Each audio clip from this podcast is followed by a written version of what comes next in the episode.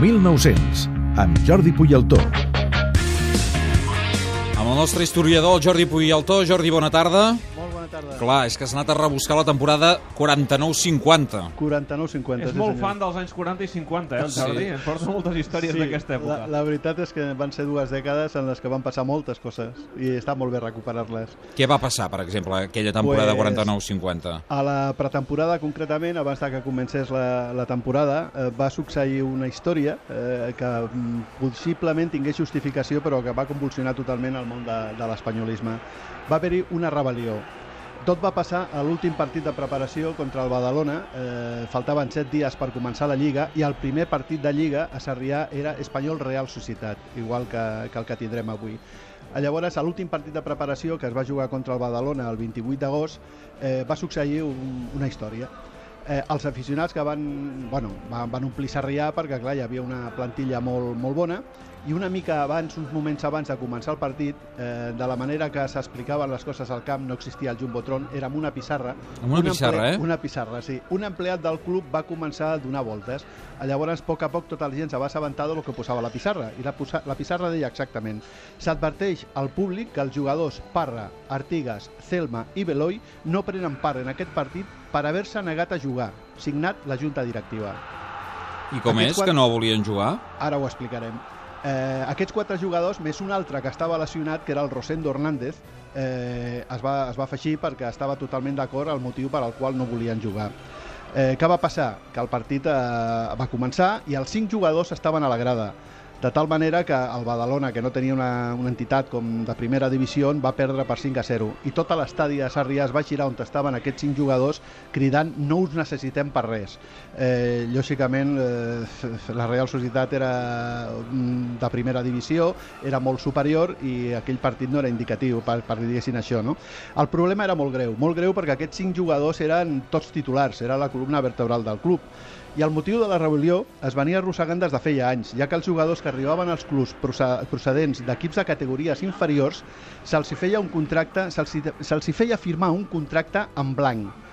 En canvi, tots els que arribaven d'equips de primera divisió doncs, se'ls feia un contracte amb moltes clàusules, posant els diners que cobraven, però aquests que, mm, que arribaven de categories inf inferiors se'ls feia un contracte al blanc. I què, què passava? Que la, les diferències entre mateixos jugadors de les, de les plantilles eren brutals.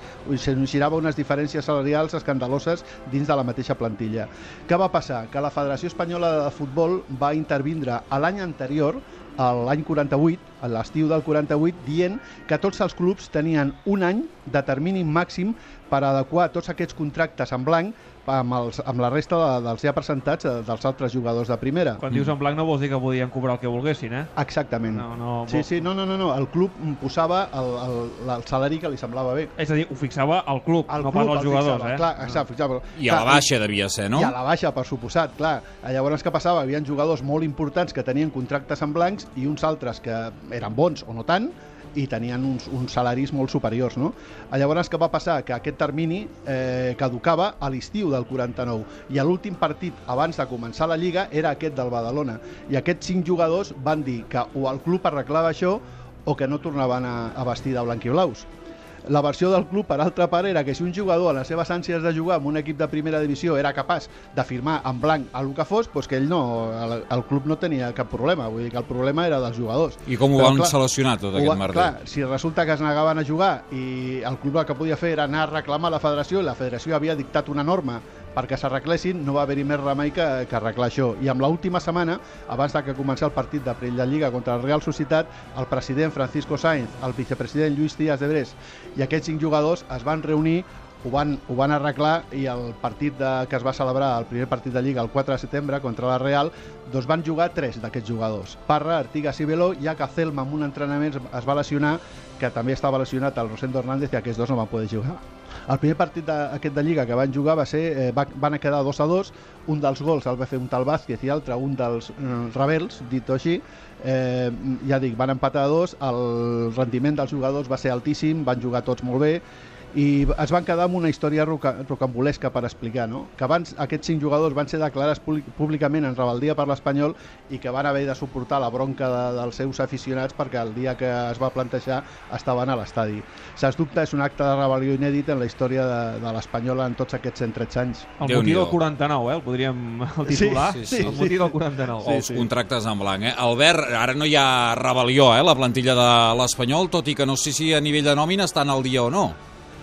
Mm. Doncs no, no, no estan al dia, no. No estan al dia i, de fet, l'altre dia el president Joan Collet tranquil·litzava els ànims de la plantilla dient-los que, tot i que el famós crèdit bancari encara no està eh, tancat, segellat o firmat, eh, que no pateixin que els posaran al dia dels pagaments que els deuen en els pròxims dies o setmanes. Però no sembla, hi ha rebeldia, sembla eh? que està a punt d'arribar, sí. Està a punt d'arribar, el Jordi deu tenir informació privilegiada, per tant, tots tranquils, aquí no hi haurà rebeldia, els contractes l'any 2013 ja no són en blanc. Jordi, Estupendo, a molt bé. guanyar avui contra la Real Societat. Esperem que sí, ho necessitem. Que vagi molt bé, una abraçada. Moltíssimes gràcies, una abraçada. No